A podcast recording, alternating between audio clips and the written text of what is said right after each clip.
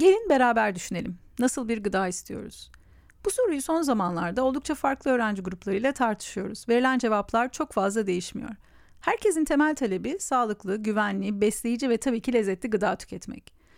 Bu gıdaya yalnızca sizin ulaşmanız yeterli mi? Yoksa herkes için bu talebiniz geçerli mi? Burada da herkesin verdiği cevap aynı. Herkesin sağlıklı, güvenli ve besleyici gıdaya erişimi olmalı. Yalnızca ülkemizde değil, dünyada da toplumda gıdaya erişim ile ilgili net ve ortak bir talep var.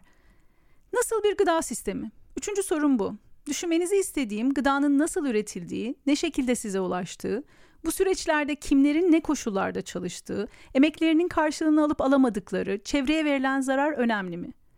Eğer önemli olduğunu düşünüyorsanız, o zaman gıda konuştuğumuz zaman yalnızca gıda değil, üretimden tüketime, onu önümüze getiren tüm süreçleri, aktörleri ve aralarındaki bağlantıları da kapsayacak şekilde bir sistem konuşmaya başlamamız lazım.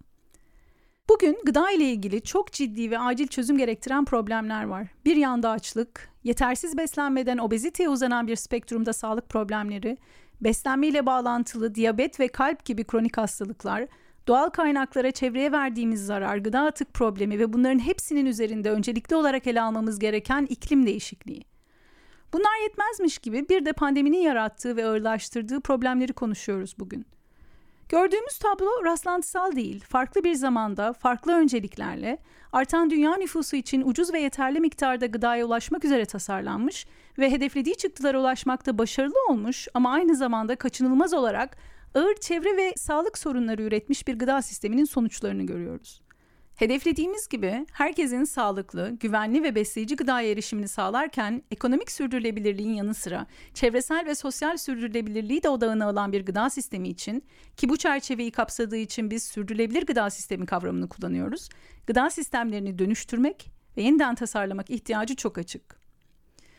Multidisipliner bir sistem yaklaşımı gerektiren bu tasarım ve dönüşüm süreçlerine gıda mühendislerinin etkin olarak katılımı bu problemlerin çözümü için gıda alanındaki teknoloji, bilim ve mühendislik birikiminin etkin olarak kullanılması gerekiyor.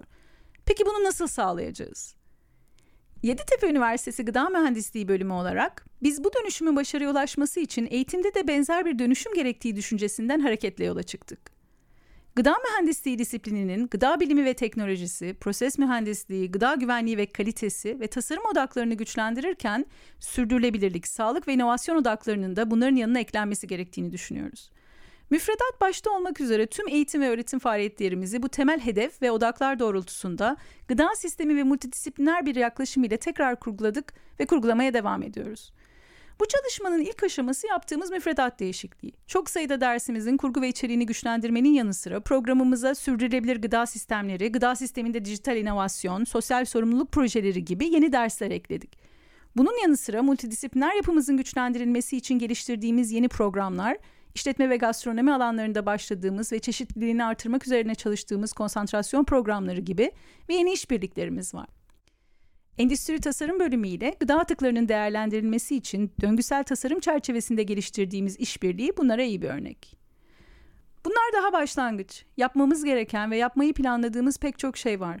Bu yolculukta bize katılmak isterseniz ki ben burada sadece öğrenci arkadaşlara değil, bu konularda çalışmakta olan, çalışmak isteyen sivil toplum, kamu ve özel sektör paydaşlarımıza da seslenmek isterim. Biz buradayız.